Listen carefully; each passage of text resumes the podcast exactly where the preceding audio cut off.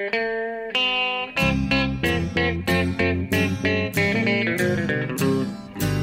out there, we're on the air. It's hockey night tonight. Tension grows, the whistle blows, and the puck goes down the ice. The goalie jumps and the players bump, and the fans all go insane. Someone roars, Bobby scores at the good old hockey game. Oh, the good old hockey game is the best game you can name. Hallå, hallå, hallå, hallå, hallå, hallå, hallå, hallå, hallå. Yes, hallå i högsommarextasen. Eh, här har vi eh, NHL-podcasten med eh, Jonathan Bambi Ekeliv, som vi hörde där i sin traditionella ramsa, i Stockholm. Hallå! Och mig då, Per Bjurman, i eh, New York City. Ja. Och nu ska vi spela in vårt 338 eh, avsnitt. Ja. Hur står det till? Kan vi börja med att fråga. Jo då, det står bra till. Det står bra till. Just nu på redaktionen, jag är ju inne här just nu, eh, så är det väl OS-feber snarare än NHL-feber. Men för mig är det fortfarande NHL-feber. För att jag menar, visst, säsongen är slut. Det är högsommarvärmen som du sa. Men eh, nej, det händer ju jättemycket nu i, i NHL-världen. Och det har hänt väldigt mycket sen senast vi spelade in. Så att det här kommer bli ett packat avsnitt återigen. Ja, det, var, det har varit väldigt intensivt sen, sen senast. Men, men du, din, eh, din semester är klar och du är inne och nu ska vara redaktör i princip resten av OS, eller hur? Jajamän, så det blir, eh, nej, det är slut på semestern för mig. Så att, eh, jag är avundas er som ligger och lyssnar på det här i någon hängmatta och har det lugnt och skönt och så här. Men jag ska väl inte klaga, jag har haft ett antal veckors semester bakom mig och jag har sett Tampa vinna Stanley Cup och så vidare. Så att jag, jag är relativt nöjd ändå får jag säga. Ja, Med tillvaron. det, det är lite speciellt med OS, även om det här i OS inte riktigt känns som vanligt då. Men det, det är en speciell upplevelse tycker jag. Här visar de ju OS dygnet runt på alla jävla möjliga olika NBC-kanaler då. Just det. Mm. Eh, och eh, det är ju något med OS att man plötsligt blir engagerad i en fäktningsmatch mellan en fäktare från Sydkorea och en från, från Paraguay. ja, exakt. Jag tycker att det är absolut mest relevanta som pågår i världen just nu. Kan inte slita sig. ja. Liksom. Nej, det är, något, det är något speciellt med det. Alltså.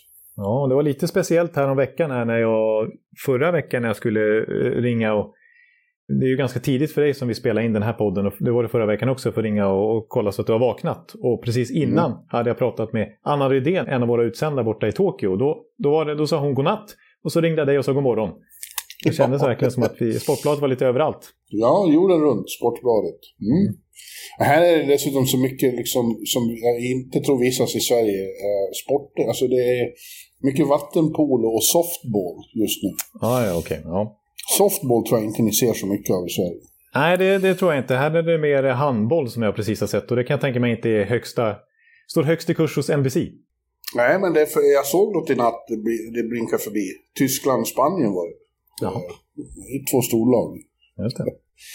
Ja, men som du, som du mycket riktigt påpekar så ska vi eh, fokusera på, på NHL fortfarande fast vi är i mitten av, eller slutet av juli och i vanliga fall så har vi gått i, i off-season-dvala nu. Exakt. Men det är inte, det känns inte som vi är i närheten av, fast det är vi ju. Snart, snart så är det off-season. Men, men eh, det är en väldigt, väldigt intensiv avslutning på den här säsongen. Eller start på nästa, eller hur man nu ska se det. Vi, Ja. vi har mycket att bena ut, men vi tänkte för enkelhetens skull ta det i tur och ordning här och börja med, med expansionsdraften då som vi ju eh, jabbade upp ordentligt i förra avsnittet inför. Då. Nu har vi den bakom oss och vi har ett 32 lag i ligan. De heter Seattle Kraken och de har sitt lag. Ja, precis. Nu är spekulationerna över. Liksom. Nu, nu har vi faktiskt eh, 30 spelare där och mycket mer konkret att prata om. Och, ja, vad ska man säga egentligen? Det blev ju, de hade ju möjligheten att eh, gå för rätt stora namn. Alltså, eh, Ja. Till skillnad från Vegas där så, så, så fanns det ganska spännande namn att plocka. Liksom. Men nej, de valde en annan taktik. Det blev tvärtom väldigt många nästan totalt okända namn. Riktiga AHL-doldisar de plockade. Ett betydligt mer profilfattigt lag än vi hade trott. Och eh, ja. de valde helt enkelt, skulle jag vilja säga, att gå för flexibiliteten, löneutrymme, snarare än de stora namnen. Ja, det var en väldigt försiktig, konservativ eh, expansionsdraft får man säga. Eh, inget av de här betena som, som eh, de andra general managers hade lagt ut nappade han på Ron Francis. Han sa efteråt att de hade såklart diskuterat namn som Carey Price. Mm. Men valde att gå en annan väg. Mm. Det var ju förmodligen klokt. För att de andra klubbarna hade ju lärt sig lite av senast och försökte styra det här på ett annat sätt ändå. Mm. Men nej, han, han gick inte på det. Det var väl ingen som blev lika eh, körd som, som vissa lag blev 2017. Nej. Eh, jag vet inte om det är någon som liksom tappade någon de trodde att de skulle behålla. Det var ju tungt för Tampa till exempel att tappa Gårde. Ja, det är jag oerhört de... besviken över. Men samtidigt i den lönetakssituation som Tampa sitter i så behövde någon sån typ av spelare gå. Så ja. det var ju väntat. Mm. Ja. En, en, en, tråkig detalj den där dagen var ju att Seattle lämnade in sin lista till eh, NHL redan på morgonen och, och sen var tv-sändningen först tio timmar senare och den där hela listan läckte ju ut som ett såll. Ja. Vi, visste, vi visste bara efter några timmar alla namnen. Exakt, så själva showen sen när de ändå försökte skoja till det med att en bläckfisk skulle reveala namnet. Det var lite kul. Ja, sånt där. Men, men, eh, det blev ju inte så spännande om man redan visste vilket namn från Detroit. Nej, det var inget spännande, men, men det var eh, en rolig sändning. Man fick se mycket av Seattle och så. Var, Exakt, och mycket lokala kändisar och så vidare som dök upp på scenen där. Så att, visst. Och lite spelare också som de hade lyckats få dit på kort varsel också. Ja. Men det är ju det är ju trist att de inte kan uh, förstå att det ska vara ett live-evenemang när namnen avslöjas då. För det, det finns väl en massa tekniska förklaringar till det kanske. Ja, visserligen, men absolut. Det, det, nej, det blev ju inte som man hade hoppats på så som det ska vara. Om det ska vara liksom en, det hade varit en helt annan grej om hela laget hade avslöjats då ju. Än vad det nu ja. blev. Vi har inte, sa de, senast vi hade en sån här stor läckare och fick eh, Novak bygga sin ark. Var ja. någon som sa. ja, ungefär. Ja. Eh, men eh, ja, eh, några namn stod ändå ut då. De, de, eh, Gård var väl, eh, eller Gård, Johnny Gård, ja. eh, var väl det tyngsta namnet. Han och Jordan Ebele och, och Mark Giordano. Ja, precis. Mark Giordano är ändå ett stort namn, ändå Norris Trophy-vinnare 2019. Visserligen inte, hans kurva har väl pekat ganska brant neråt sen dess. Det är 37 år gammal nu, så det är väl förklarligt. Men det är absolut, det är någon det är verkligen en härförare och, och kaptensmaterial för dem. Och, och, sen skrev de ju faktiskt ganska stora kontrakt, apropå backsidan där, med Jamie Oleksiak från Dallas. Och även Adam Larsson då, som fick ja. fyra gånger fyra miljoner dollar. Eh, ju. Eh, så att backsidan skulle jag ändå säga är den mest profilerade. Det är faktiskt den åttonde dyraste nu i hela NHL. Det är ett totalt sett billigt lag. De har ju prioriterat lönetaksutrymme här. Men backsidan är ganska välfylld redan och då ska de skriva kontrakt med Vince Dunn också som är restricted free agent. Eh, det är inte klart än. Eh, så att backsidan tycker jag ser, ser bra ut. Målvaktssidan tycker jag ser intressant ut med Chris Dreger då, väntat, och. Vitek Vanesek som ju gjorde en väldigt bra säsong i Washington. Men det är också, den är ganska oprövad. Ingen av dem har ju varit första med vakt tidigare. Nej, Nej exakt. Och forwardsidan är ju den som ser ut som den svaga punkten. Det finns ingen riktig spets där. Nej, precis. För det är som du säger, Jordan Eberle, ja, Janne Gård, absolut. Eh, Jared McCann, ja, gjorde ju ändå 32 poäng och vikarierade fint för Malkin i andra kedjan i Pittsburgh under säsongen. Och Kalle Järnkrok i en lite större roll, blir spännande att se. Ja, verkligen. Mason Appleton i en lite större roll. Eh, ja, så här. Men eh, absolut, visst är det, det, det, Jag tycker det är ganska bra bredd. Jag tycker det är bra karaktär på spelarna. Det, det, det kommer att vara ett hårt jobbande lag med Brandon Tanev, med Colin Blackwell, med Gord, med Järnkrok och så vidare. Det är ett bra tvåvägsspelare och, och sådär. Men, men det är just spetsen de saknar. Så att, och vi får se. Jag menar, de har lönetöksutrymme nu och det ryktas lite grann om att de kommer vara en player här nu när faktiskt Free Agency öppnar och de kan vara med på spelare därifrån också. Det är inte bara det här expansionslaget, expansionsdraftlaget som de kommer ställa på isen nödvändigtvis. Nej. Nej, det tror man ju att det här är, det här är inte den eh, definitiva truppen som vi kommer att se i början av oktober. Nej. Nej, alltså, troligen inte. Ett exempel på det är ju att de har nu tio backar, tog de i expansionsdraften och man kan ju bara ställa sex på isen. Och Vegas tog också ett, en rad backar och, och istället för att menar, har man för mycket då måste man ju wava dem om man ska skicka till AHL om, om de har den typen av kontrakt, om de inte har tvåvägskontrakt. Och eh, jag menar, det, det är inte bra. Vegas löste ju det genom att till exempel trada Alexej Jemelin direkt efter expansionsdraften. Samma sak med Trevor Van Riemsdyk och några andra fall. Så vi kommer säkert få även om det inte var några side deals, vi pratade ju mycket om det förra veckan, att det skulle vara en massa side deals som skett i mörkret, mm. utanför vår vetskap, eh, då fram till expansionsdraften. Men det var ju inga, men det kan fortfarande bli så att man gör lite trader här för att eh, korrigera laget så att det blir mer korrekt, liksom, så ja. att man inte behöver wava spel och så. Mm. Det finns fortfarande möjlighet att de signar Gabriel Landeskog, det får vi återkomma till. Eh, ja. Vad som händer med honom, men, men Känslan direkt efter var ju samma känsla tycker jag som jag hade 2017 i, i Las Vegas. Den kvällen tänkte man att vilket, vilket hoprafs av överblivna delar i huvudsak. eh, och det här kommer ju inte att gå bra. Det slog ju fast att de skulle missa. Det kom alltså absolut sist för första ja. säsongen. Ja. Och så gick de till Stanley Cup. För vad man inte visste då var ju att sådana som William Karlsson och Riley Smith och Nate Schmidt skulle bli så fruktansvärt bra. Att, att Flowers skulle få en som nytändning i kassen. Ja. Och vem vet, eh, Ron Francis kanske har identifierat den typen av spelare där ute också. Du nämnde ju några där som jag tror faktiskt kan bli mycket eh, mer användbara offensivt än vad de har fått chansen att visa. Eh, McCann är verkligen en sån. Mm. Men även Kalle, alltså när, när Kalle har fått, han har, vi har ju ständigt beskrivit honom som eh, hjälpgumma i Nashville, allt i allo-mannen. Ja, verkligen. Så boxplay, powerplay, fjärde kedjan, första kedjan. Eh, ja. Alltid fått han rycka in. När det, har, när det har varit skador så har han ju fått chansen i topp 6 och då var det väldigt produktiv. Men han har aldrig liksom fått uh, blivit etablerad där. Uh, och spela, få mycket istid på, på kontinuerlig basis. Det kommer han ju få nu och det ska bli jävligt intressant att se, tycker jag. Hans eh, släkting där, eh, Elias Lindholm, hade lite den stämpeln tyckte jag efter ett tag. I Carolina var center, ytterforward, tredje kedjan, första kedjan, boxplay, powerplay. Liksom. Men när han kom till Calgary och verkligen fick chansen i topp 6, eller till och med första kedjan då, så är han nu verkligen en klassspelare. Ja.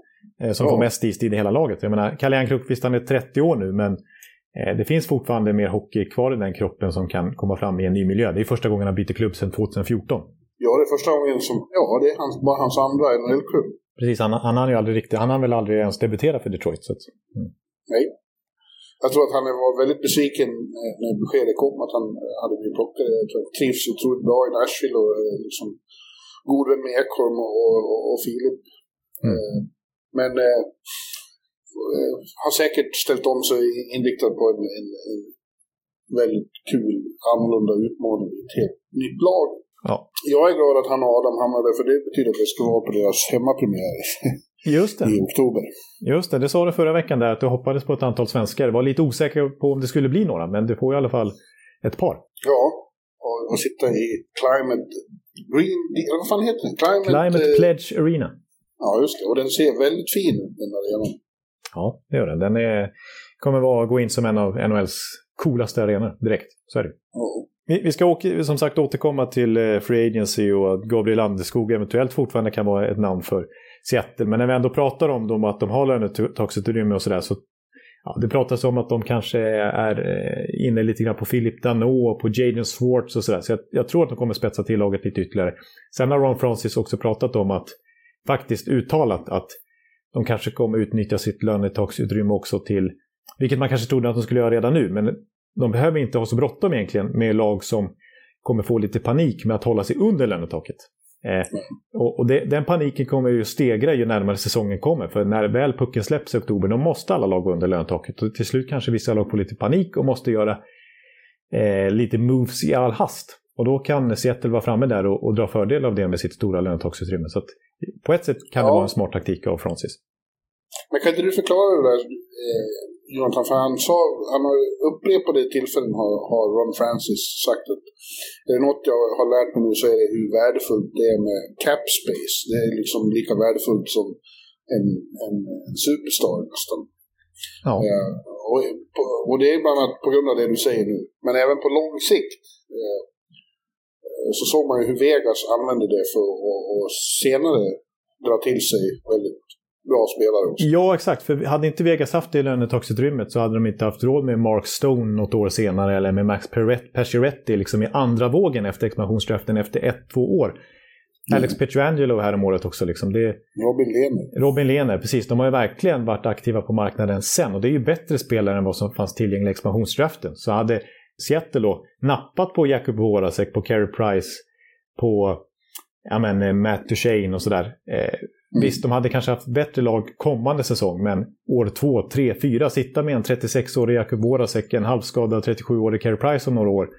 Ja, det hade verkligen begränsat deras möjligheter. Nu, nu har de fortfarande väldigt liksom, öppet och eh, kan gå efter kanske bättre spelare senare här än att nöja sig med expansionsdraft tillgängliga ja. spelare. Så att säga. Ja. Ja, det måste ha varit lockande för dem, de där namnen, men, men ändå klokt förmodligen i de flesta fall att låta bli. Det hade ju liksom varit en splash att få dit Carey Price. Absolut. Ja, jag, jag vill säga det också att Ron Francis, det kommer fram lite vad han... Eh, de här side dealsen som inte blev av, alltså där sägs det ju då att Ron Francis, oj vad han krävde mycket. Till exempel om Giordano i Calgarys fall, då vill ju helst inte bli av med, med Giordano, deras eh, kapten och som ändå varit där så länge. Så. Eh, men skulle jag säga att jag inte plockar honom, då skulle Calgary vara tvungna att ge upp ett första runda val och ett tredje runda val för en 37-årig back. Liksom. Och det, det var för mycket tyckte de, så att då lät de Giordano hellre gå gratis. Och det här med att Carey Price blev tillgänglig, eh, där, sa, eh, där sa Seattle att ska ni, ska ni skydda Price och göra Allen tillgänglig, för att vi inte ska ta Allen då så måste ni offra två höga draftval och en prospect. Ja. Och då tyckte ja. helt enkelt Bergevin i Montreal att ja, då, då är det värt att, att försöka bluffa med Carey Price istället. Och hoppas att de inte tar honom. Mm. Ja, nej, men eh, man får säga att Ron Francis gjorde det där på ett eh, tråkigt men förmodligen väldigt bra sätt. Ja. Eh, lite som George McPhee, även om McPhee blåste sina kollegor mer än vad han gjorde. Precis, och det, det, får man säga att det fanns eh, alltså, bättre kunskap och bättre erfarenhet här hos övriga general manager att inte överbetala heller. Att till exempel Calgary skulle ha gett upp första rundeval och tredje rundeval för Giordano. För att slippa tappa Giordano. Alltså, sånt såg vi mycket då förra gången när, när jag bara, ah, okej, okay, men ta inte honom, ni får Alex Tack i utbyte. Eller ni får Shea Theodore om ni inte tar honom. Eller ja, ni får William Karlsson om ni inte tar honom. Eller ni får Riley Smith om ni inte tar honom. Och det drog ju verkligen Vegas nytta av. Liksom. I det här fallet så, så var de övriga klubbarna lite mer restriktiva och, och gav inte upp så mycket. Det var därför vi inte såg några side deals till slut. Nej. Nej. Ja, det är för nu, nu när det är sagt och gjort så känns det bra med, eh, med Seattle eh, i ligan. Vi har 32 lag. Mm. Känner du hur, hur, snabbt man nu har vant sig vid Kraken? För när de kom med namnet var man så vad är det för jävla namn? Ja, det var vid den här tidpunkten förra året och vi satt och småsågade det lite grann och nu känns det som Ungefär lika snabbt som man tyckte ju Vegas, att de inte hette Las Vegas. Och Golden ja. Knights lät ju otroligt otympligt. Vadå Vegas Golden Knights? Vad är det för skämt? Ja. Och nu är det ju inga konstigheter. Nej. Nej. Och eh, man får väl suga på den här karamellen ett tag då, för nu kommer det inte bli några expansionsdrafter mer på ohyggligt länge. Nej, exakt. För det finns ju, jag menar, nu, nu är det 32 lag. Det finns ingen proffsliga i någon sport i USA som har mer än så. Så att, att NHL skulle utöka ännu mer är ju föga troligt. I så fall får vi se något lag bli flyttat. Men då är det ingen expansionsdraft. Ja. Utan då, då blir det som när Atlanta flyttar till Winnipeg till exempel. Ja. Eh, och, och 32 är alltså 16, 16 lag i, i vardera konferens. Det är liksom en perfekt eh, syn, eh, synkroniserat och det är eh, liksom perfekt. Åtta lag till slutspel, åtta inte. Ja, det är, det är bra dynamik. Det är ja. bra för oss eh, du och jag gillar ju liksom ordning och reda när det kommer till siffror och sånt där. Och, och vi säger alltid att det är avsnitt 338 och så vidare. Och nu, nu får vi ordning och reda här i, i strukturen kring NHL-divisionerna. Jag ser mig omkring här i lägenheten och skrattar gott åt det uttrycket att jag gillar ordning och reda. Så, ja, så ser det inte riktigt ut här på skrivbordet till exempel. Nej, ja men då, eh, ibland kan det vara det i alla fall. Men vet du vad jag har bredvid mig här? En Nej. flaska champis. Är det sant? Ja, det ska man inte kunna få tag i i USA. Men jo då, igår så gjorde jag en, en beställning från Bonbon, den svenska godisbutiken på Lower East Side, som kom med en, en uh, delivery igår kväll. Och uh, då fanns en, en och en halv liters flaska champis med. Det, är ju, det skulle jag säga är 4 plus. Ja, jag skulle nog eh, öka på ett till när man inte har druckit champis på två år. Ja, det förstår jag. Det förstår jag. Och det, det konkurrerar ju ut kaffet något enormt här kan jag tänka mig. Trots Fast nu har jag kaffe också. Ja, du har dubbel. Det är en enorm, det är en synergi som vi aldrig har hört talas om nästan. Förra veckan var det slut på kaffe, det jag skaffade. Men vad hände idag då? Då var det slut på filtren. Men det kan Nej. man ju lösa med, med hushållspapper. Det blir inte samma sak, men det, det funkar Ja, okej. Okay. Ja, men eh, Så kaffet kanske är något plus, men, eh, men champisen drar ju upp enormt. Så att... Ja, det blir för starkt kaffe för mig. Jag gillar ju amerikansk blask. Ja. Just det, du är blaskkille. Du, du, du tycker så automatkaffe är drömmen ungefär. Nej, nej, det ska vara bryggt, men det ska vara svagt. Det ska vara genomskinligt. Oj, och jag är tvärtom. Jag lägger gärna på en extra liten sån sked med, med kaffe. Mot vad som rekommenderas. Ja. ja, men du, nu går vi vidare på denna. Vet du, när vi spelar in idag är måndag. Idag fyller Mick Jagger år, 78. Han är 78 Så gra grattis till Mick. Ja. eh, vill jag bara skjuta in också. Absolut. Eh, efter expansionslöften, bara några få dygn senare, så var det ju då... Vänta förresten, en sak som, vi inte, som du inte kommer att smita undan. Du gjorde ju en mockdraft till expansionsdraften. Nej då. Eh, hur många namn fick du in? Eh, det är inget att skryta med. Av 30 potentiella rätt, då, vilket jag visste att jag skulle missa, så fick jag in 11. Ja. ja. Det var ju inte så mycket. Det blir man inte så imponerad av. Nej, det är väl, jag vet inte ens om jag får två plus för det. Nej. Tveksamt. Ja, nej. Men det var ingen annan som fick in alla de här otroligt anonyma namnen. Det var ju några som inte ens du hade hört Carson Tworinsky hade jag inte sett framför mig att de skulle ta från Philadelphia till exempel. Erkänn, det var några namn du inte kände till. Eller? Ja, ja man, man, har ju fladdrat förbi dem, men jag kan inte säga att jag hade en bild av alla 30 spelare. Det vore, det vore verkligen att överdriva. Ja. Eh, ja, jag, jag tyckte det passade bra annars att du gick vidare här och bytte ämne. Så att, inte behöver kommentera ja. ännu mer. Ja. Någon, någon, eh, någon uh, mockdraft för vanliga draften gjorde du ju inte då. Men Nej. då så blev det draft, vanlig exit, en, entry, NHL enter, vad heter det? NHL entry draft. Ja. Mm. Eh, där eh, de kommande stjärnorna paxades av de olika lagen och eh, ja, vad, är, vad är din bild av, av, eh, av draften? Eh, ja, nej, men i, i svensk väg så fick vi ju... Totalt sett blev det ju lite färre än, än normalt sett. Det kan ju vara upp mot 30 namn här senaste året. Ja, förra året var det 32, nu var det 23. Exakt, men vi fick i alla fall se sex stycken svenskar i första rundan och det är ju verkligen en fjäder i hatten. Ja, enda gången vi haft fler var 2009, då var det sju.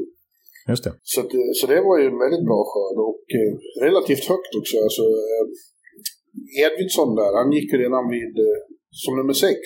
Just det, precis. Och så direkt efter William Eklund som nummer sju.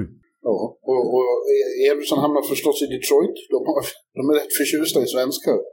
Ja, förra året tog de... Eh, ja, dels är de förtjusta i svenska, men sen måste vi ju understryka hur förtjusta de har blivit i Frölunda-spelare helt plötsligt här också. För det var ju Lukas Raymond med första valet i fjol. Och så Simon Edvidsson nu då, också Frölunda-kille. Och de har Theodor Niederbach från Frölunda. De har Elmer Söderblom, ni vet han med, som gör snygga mål mellan benen på sig själv i JVM.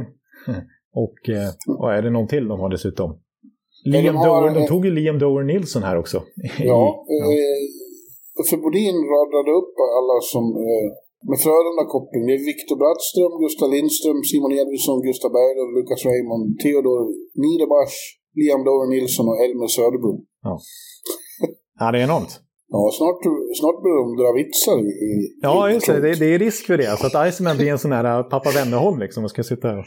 Han, ja, han är inte riktigt kompatibel med det sen i Iceman. Sten-Åke Cederhök, Iceman. Ja, just det. Just det. Ja, det vore oväntad utveckling, men det kommer ju, det närmar sig nu så mycket. Han ska prata med, med svenska västkusten. Ja, ja äh, äh, de har ju goda erfarenheter av svenskar. Inte så mycket göteborgare då kanske, men, men svenskar äh, som regel och, och, och, svenska backar inte minst. Ja. Så att, som jag förstår så är åtskilliga av dem har liksom potentialen att bli en NHL-spelare också. Absolut. Och Edvinsson som alltså går så högt som sexa, det, där draftar man väl mycket på just potentialen. Alltså för att än så länge inte, han är inte alls NHL-redo än och, och, jag sa i förra veckans podd att det, jag har hunnit se honom, av honom på SHL-nivå. Det är inte mycket visserligen, men så att, att, dra, att jag ska sitta och dra några slutsatser är ju, är ju dumdristigt. Och jag var inte så imponerad över honom då, men det, det är ju, han jämförs ju lite grann då med Viktor Hedman för att han har sizen, han har, alltså han är väldigt stor, han, han, eh, han har eh, spelsinnet, han har rörligheten, trots om man kan säga så, sin storlek. Det, det, det är the complete package, potentialmässigt i alla fall. Och kan han mogna och eh, växa in i det här så, så ser de ju framför sig en, en fantastiskt bra back att bygga runt ihop med Moritz Seider, som ju tysken som de tog i häromåret och som också har ja, svensk koppling. Då. Ja, ja eh, Stevies eh, långsiktiga bygge fortsätter. Snart så börjar det väl eh, liksom vända och gå i rätt riktning Detroit igen.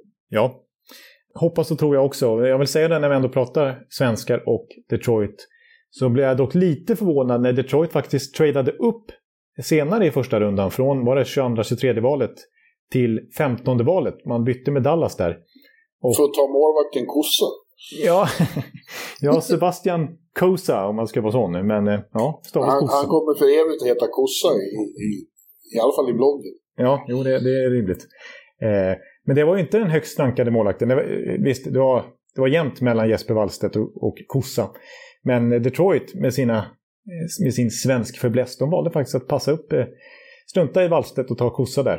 Eh, och jag, jag blev lite förvånad sen också när, eh, när Edmonton, som ju behöver en målvakt, jag menar, de förlängde visserligen nyss med Mike Smith, men han är 39 år. Men de har ju haft målvaktsproblem länge. Hade chansen att ta Jesper Wallstedt, men tradade ner med Minnesota, som i sin tur tog Jesper Wallstedt då, tradade upp och tog honom. Så att, jag blev lite förvånad att, att lag som verkligen behöver målvakt, som Detroit, som Edmonton, bara väljer att, att strunta i det. Eller ja, de tog ju kossar visserligen Detroit. Ja. Wallstedt i alla fall första svenska målvakt att bli vald i första rundan, någonsin. Ja, någonsin. Det är ju... Eh, en sån som Lundqvist var ju faktiskt vald i sjunde rundan. Exakt. Eh, som nummer ett då gick ju, eh, som de flesta hade trott, även om det inte var lika givet som till exempel att Lafreniere skulle gå etta i fjol, mm. så var det Owen Power. Ja. Eh, och det var Buffalo som tog honom. Han jämförs ju också med Victor Hedman lite grann. Ja, det är väl lätt eh, enkel jämförelse att göra när man är storväxt och samtidigt spelskicklig och har den här rörligheten. Så det är kanske lite orättvist, men visst, eh, visst finns det stor potential i power. Och, eh, ja. ja. Det borde ju bli bra när de har eh, två backar som den ena är draftetta 2018 och den andra 2021. Ja. Det, det låter som en bra framtid på backsidan. Exakt. Båda vänsterfattade, så det känns ju som att de skulle kunna leda varsitt backpar det kommande decenniet. Ja. Eh, och... Han är Rasmus Dahlin är den andra. Till äventyrs inte, vet du. Nej, precis. Buffalo som faktiskt tog senare i första rundan din, eh, höll jag på att säga, Leksandskille, Isak Rosén. Ja. ja, han gick som nummer 15 där. Mm. Det är ju ett svenskt lag av format nu, Buffalo. Ja, just det. Det är, det är alla möjliga. Viktor Olofsson och... Robert Hägg kommer in på det senare. Han just det, han tradades dit ja. Mm. Eh, eh, anmärkningsvärt från eh, första rundan så var det New Jersey då som tog eh, en till Hughes. Ja. Eh, eh, Luke Hughes, lillebror till Quinn och Jack. Eh, ja. Och det, det, roliga med det var ju då att Jack blev så fruktansvärt glad så jag har sällan sett en så glad människa. Nej, jag som har visade från deras vardagsrum. Ja, det var nog topp tre jag har sett också, gladaste människan. Någon, liksom, alltså han, han överträffade ju eh, liksom alla Tampa-spelare efter Stanley Cup-titeln i princip i, ja. i, i glädjescener. Oj vad ja, han kramade om eh, Luke Hughes. Det var knappt så han kunde andas tror jag. Eh, hoppade upp på Jukka och stod i var helt eh, bortom eh, okontrollerbar. han tappade nästan. Ja, tappade. Men eh, det är, det är väl såklart eh, säkert jättekul att få in lillbrorsan i laget där man själv är stjärnan. Precis, som, Jack då, som gick etta 2019. Det är som att du, jag skulle vara tillhöra en klubb och så var du draftad. Ja, du skulle också hoppa upp på Jocke, höll jag på att säga. Nu. Nej, det skulle ni kanske inte göra. Nu vart det fel. Ja, nu blev det fel. Förlåt mig. Ja, det, ja, jag vet inte vad, vad de scenerna skulle likna. Men eh, ja, nej, men det var, det var, det var kul eh, scener att se. Och som de säger själva, det är ju häftigt att alla tre brorsor går topp sju i draften i sina respektive årskullar. Och ja. att de kanske, dessutom är de ju liksom inga fysiska praktexemplar det här. Det är ju ganska småväxta killar. Och, eh, ungefär lika fjunig skäggväxt som en annan här i poddduon. Eh, men eh, de är ju otroligt spelskickliga. Det är så mycket hockey de besitter, alla tre. Men det, det låter i nästan all, samtliga fall av de vi har pratat om nu i alla fall så är det osäkert om någon dyker upp redan till eh, hösten. Eh, ja. Även Power eh, var ju liksom, han har inte bestämt sig för om han ska fortsätta med, med juniorhockey eller försöka igen.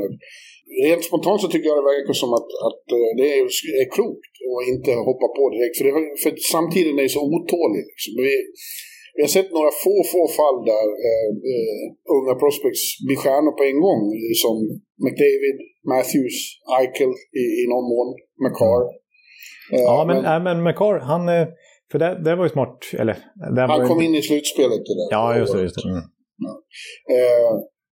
Så det, men det, det, är ju inte vanligt att, att man blir eh, liksom, Jackius tog ett tag och anpassade sig. Eh, Capocaco och Lafreniere var inga dundersuccéer på en gång. Och då blir folk så otaha, en bast, en bast, det blir ingenting av de här. Mm. Det blir ju liksom för stressigt med att man ska bli superstar på en gång. Nej, precis. Jag håller, jag håller med där. Och tvärtom har jag sett positiva exempel när man har väntat lite och kanske fortsatt inom collegehockey eller juniorhockey eller stanna i Sverige, Finland, Ryssland eller vad det nu kan vara. Eh, med Cale McCarr till exempel som inte gick direkt eller med Queen Hughes, apropå dessa spelare. Ha lite tålamod. Ja. Från ja, klubbarnas sida också. Precis, ja det är ju absolut. Inte minst de och scouter och grejer och agenter. Mm. Det är många som skulle behöva vara lite mer Men du, vi måste ju också kommentera hur den där första rundan, hur katastrofalt den slutade. Ja. Eh, det tog ju The Thunder från alla unga spelare, eh, det som hände på slutet. Jag diskuterade om, men istället var det då så att, att, att eh, först chockade Montreal alla genom att, att ta, vad heter han? Ja, Logan Maillot, eller Maillot. Ja. Eh, fransk-kanadensiskt ja. namn. Som, som det har varit som skandal kring. Han är eh, dömd för sexualbrott och eh, själv till och med gick ut och sa att han inte förtjänade att bli vald i draft och bad och inte få bli draftad. Mm.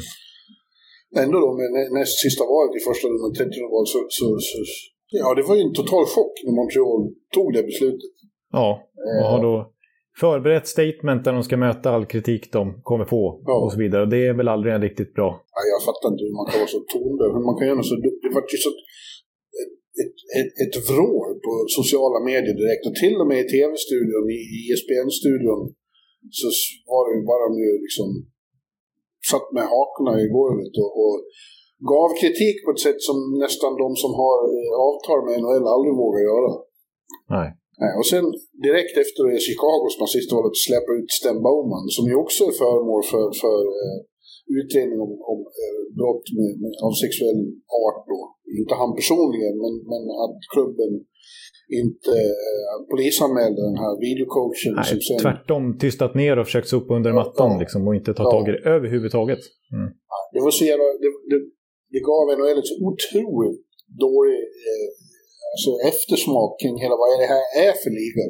Ja, och Mark Bergevin som ju draftar denna major ja. då, som var med i Chicagos organisation och hade en ledande position när de här uh, sexuella trakasserierna som pågick i Chicago ägde rum. Liksom.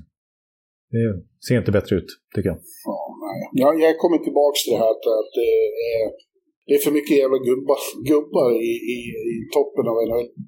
På exekutiv nivå där, högst upp, så är det bara exakt likadana gubbar i samma ålder, vita allihop. Det, det, är det någonstans det behövs mer diversity så är det där. Så kanske man kan undvika sådana här katastrofer. Ja, jag håller verkligen med. Och, och det, här, det här försvarstalet som var förberett från börsens sida, där, där var det mycket så här on the hockey side of things. Jag tror det var, han sa ja. det fyra gånger på en minut. Ja. och där var ju Majo väldigt bra. Och, ja, det är därför vi tar honom. Han är bättre än flera spelare som redan har blivit draftade hittills och borde gå högre på det viset. Men ja, fokus på hockeymässiga och så sopar man lite under mattan det faktum att han ja, precis har dömts för ett sexualbrott. Man kan bara föreställa sig hur offret känner. Alltså det är ett slag i ansiktet på, på offret här som upplever att de inte har fått någon, någon uppriktig ursäkt det här. Nej, och så en stor NHL-klubb väljer att drafta honom bara kort senare. Liksom. Ja, sen hade vi resten då, eh, omgång två till sju eh, under lördagen som pågick i sju timmar. oj, oj, oj. Ja. ja det var ett seg att sitta och tragga sig igenom. ja. Men då fick vi alltså ytterligare eh, vad blir det, 17 svenskar. Eh, mm. det, är, det är svårt att kommentera. Det, ditt Tampa fick inte välja för en... Jag fick vänta till val nummer 96 tror jag det var det, till slut. Ja. Det ser ut som Tampa kommer på sikt att få lite problem.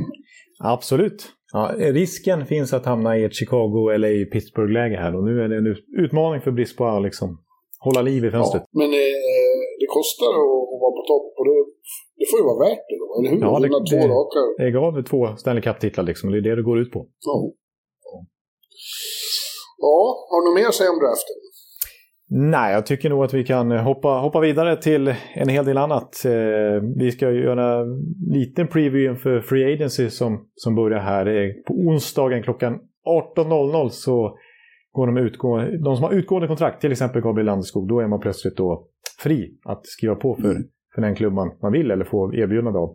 Och, men det, det, först måste vi gå igenom då att det faktiskt, jag menar, det är en stekhet off-season på silly season-fronten hittills och det har hänt ännu mer traders sen senast vi pratade. Verkligen. Precis inför expansionsdraften så, så smäller det verkligen till.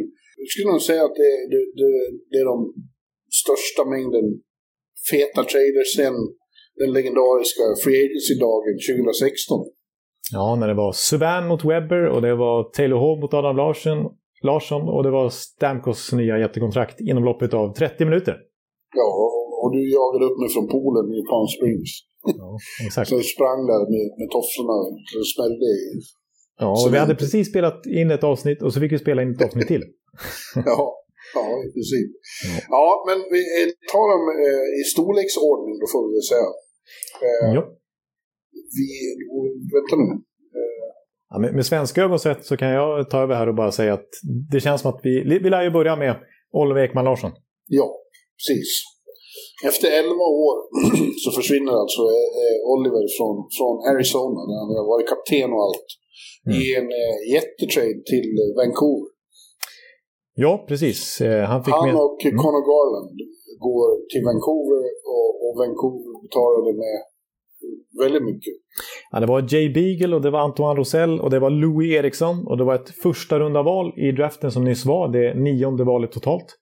Och det var ett andra runda val och det var ett sjunde runda val. Ja. ja det är ju ganska mycket. Så, så stora eh, affärer ser man inte så mycket. Nej, och jag har två sätt att se på den här traden från Vancouvers och Oliver Ekman Larssons sida. Och på ett sätt är jag glad för Ekman Larsson liksom eh, får, komma, får byta miljö till slut.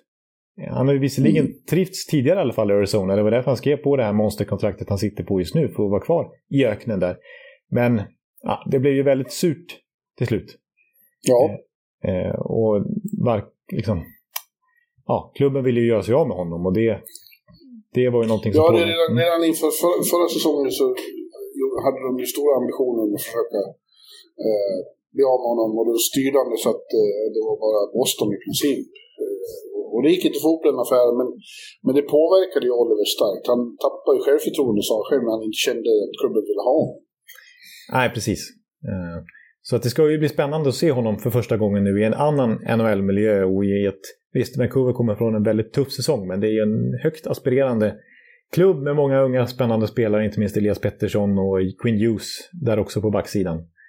Mm. Eh, och med den här traden så blir de ju bättre, i alla fall på kort sikt. Det är klart att Ekman Larsson är en uppgradering på backsidan och Connor Garland är ju en bra förstärkning att få in också. Jag tycker att Arizona slarvar bort honom lite grann här.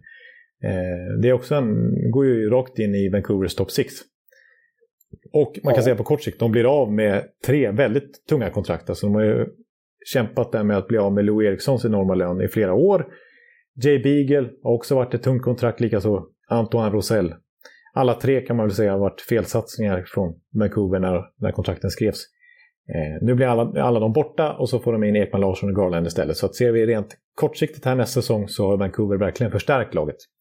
Ja, men det är många som, som tycker att även eh, Olivers kontrakt är, är liksom dåligt. Ja, det är det som är grejen. För att han är ju, han är ju 30 bast nu, Ekman Larsson, och han sitter på ett monsterkontrakt som sagt 8,25 miljoner dollar per säsong. Och det gäller i sex år till. Och de här kommande åren, två, tre kommande åren, så ska han få ut 10,5 miljoner dollar per säsong. Så det är de liksom dyraste åren väntar här nu på kontraktet ja. rent cashmässigt. Eh, och ja, det har ju varit inne på det tidigare när vi pratat Ekman Larsson här under säsongen, att han har ju blivit utkonkurrerad i Arizona som första back där. Det är ju Chikrin som har tagit över och fick klart mer speltid den här säsongen som gick. Och eh, Ekman Larssons siffror, trend är oroväckande svag. För visst, man kan säga att Arizona är inte det bästa laget och så vidare. Han kanske inte haft de bästa lagkamraterna och, och som har lyft hans eh, siffror och så vidare. Men jämför man just Chikrin och Ekman Larsson så, så är det lite oroväckande. För Chikrin i samma miljö har ju haft en väldigt positiv utveckling.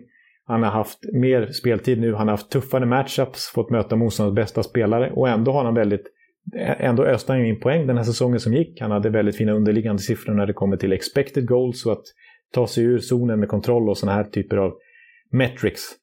Eh, medan då Ekman Larsson faktiskt hade, till exempel när det kommer till expected goals för och emot, så, här, så låg han på 41 procent. Alltså att bara 41 procent av målen när han är inne på isen gör Arizona. 59 procent gör motståndarna. Eh, och ja, det var faktiskt sämst bland alla backar i Arizona. Trots att han då fick lättare matchup, behövde inte möta motståndarens bästa spelare hela tiden. Eh, den uppgiften fick Chychrun ta. Så att, nej, mm. han, har, han har tappat Ekman Larsson. Sen får man ju se hur mycket det beror på det faktum att han mentalt har haft det tufft när han inte... Ja, jag tror ju det. Att, att det sitter mycket i det. Att han, han har ju själv sagt att han fick problem med självförtroendet. Mm. Jag tror att det finns fortfarande stor hockey kvar i honom. Han är, han är inte liksom någon sån här stor klumpeduns precis. Han är Nej. en fantastisk skridskoåkare eh, och ett väldigt bra spelsinne. Jag tror att, att det här kan bli ett lyft att komma till en klubb som vill ha honom. Eh, Precis. Det finns nya kamrater och liksom inspireras av. Jag tror det känns som vis OEL och Elias Pettersson ihop. Det känns som en bra, bra kombo. Ja, jag, jag, håller med där. Och, och, Jim Benning har ju redan sagt att trots att vi har Queen Hughes till exempel, vi säger nu, men om jag pratar som Jim Benning, så, så är OEL ny första back här i Vancouver. Mm. Så det, det, säger han faktiskt uttalat. Eh, men jag vill också påpeka då att det inte bara den gångna säsongen med den här stämpeln att Arizona vill bli av med honom som eh, OEL har haft vikande siffror utan det har varit en trend nu senaste tre, nästan fyra åren faktiskt. Så det är ju lite oroväckande. Samtidigt som jag håller med dig om att han borde vara en back som åldras väl. Som du säger, ja. det, är en, det är en fin skridskoåkare. Han har ingen tung kropp att bära runt på. Eh, han är stark fysiskt och mentalt. Liksom, så att... Ja, det finns ju samtidigt de som tror att det är bra för honom också att slippa vara kapten. Att det, blev, mm. att det där C på, på tröjan blev lite tungt att bära. Ja, det är möjligt. Ja, men jag, jag vill säga så här också, jag, som sagt. Eh, Vancouver, jag hade två sidor att se på det här och jag har varit inne lite redan på båda. Men om man ska säga negativt för Vancouvers del då, så... Ja, jag tycker återigen att Jim Benning, det är verkligen inte min favorit av general managers i NHL. Tvärtom ligger han ganska långt ner, alltså hur han tar genvägar hela tiden för att försöka nå framgång. Han har visserligen draftat bra under alla sina år där. Och, jag menar, Pettersson är ett bra exempel på det. Queen Hughes som vi har varit inne på. Brock Besser. Eh, Nils Höglander. Nils Höglander, eh, Bo Horvath var det inte han som draftade men ändå har kommit upp eh, och blivit lagkapten där. Eh, ja, jag tror att Vancouver kommer att bli mycket bättre nästa säsong. Jag trodde att de skulle vara topplag i North-divisionen i år. Eh, de tog ett steg tillbaks efter sitt fina slutspel 2020, men sånt händer ju med unga lag och jag tror att de har stora möjligheter att fortsätta framåt den här kommande säsongen. Absolut, men som sagt då, Benning, han har liksom hela tiden känt att ja, vi har någonting bra på gång och det här kommer bli bra. Och liksom, ja men då tar vi in Lou Eriksson på det stora kontraktet. Ja, då tar vi in Jay Beagle här efter kuppen i, i Washington. Då tar vi in Antoine Rosell för att få in lite mer fysik och grit. Och vi tar in Tyler Myers på det här enorma kontraktet och så vidare. Braden Holtby ska in här för lite rutin på målvaktssidan. det är liksom dyra, dyra kontrakt hela tiden. Och ingenting har riktigt fallit väl ut. Och de har försatt Vancouver i, liksom, de har alltid spenderat till lönetaket trots att de inte har kanske reflekterat i tabellen. Och så lyckas han till slut bli av med något kontrakt och skapa lite löneutrymme och direkt så lägger han det på en ny spelare. Och nu lyckas han bli av med Beagle och han lyckas av med Anton Rosell och Eriksson till slut. Och direkt, alla de här tre kontrakten som jag nämnde nu, hade gått ut nästa år. Då hade han plötsligt frigjort väldigt mycket löneutrymme. Och kanske ta in en bättre, alltså, förlåt mig Ekman Larsson, men ta in en minst lika bra eller bättre spelare på ett bättre kontrakt, med rimligt kontrakt än vad Ekman Larsson har. För nu, nu kommer han ju få problem igen här på sikt när Ekman Larsson blir äldre och han sitter på det här Kanske. stora kontraktet. Ja, förmodligen i alla fall. Du sa eh, samma sak om Shea Weber när han blev tradad till Montreal. Ja, det kan falla väl ut, men, men Jim Bennings historik med sina satsningar på, på dyra kontrakt har, har, har begränsat Vancouver snarare än att göra dem bättre. Och jag tror att risken är stor att han hamnar i samma fälla, han går i samma fälla igen. Snart är, han, snart är det slut med honom. Så nu har de fått in två eh, ångermanlänningar som kommer att styra upp den där klubben. Eh, Daniel Henrik går aldrig in i något sånt här projekt utan, utan att eh, de vet att de kommer att göra, göra det bra. Ja. Eh, de skulle aldrig haka på dem om de inte, trodde, om de inte var övertygade om att de har någonting att bidra med. Nej. Så Ja, som de precis. inte skulle börja springa maraton och plötsligt ha liksom, elittiden när de springer efter hockeykarriären. ja, exakt. Nej, det känns positivt att de nu har, är involverade, införlivade i organisationen igen och bidrar med, med sin kunskap. Och de, och de står El- Oliver väldigt nära jag meddela. Så det, ser jag. det är inte omöjligt att de har varit inblandade i det här. Nej. Nej. Ja.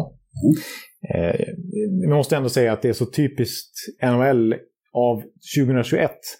Det som Arizona håller på med nu och tar, tar på sig som... Ja, jag skulle just komma till dem.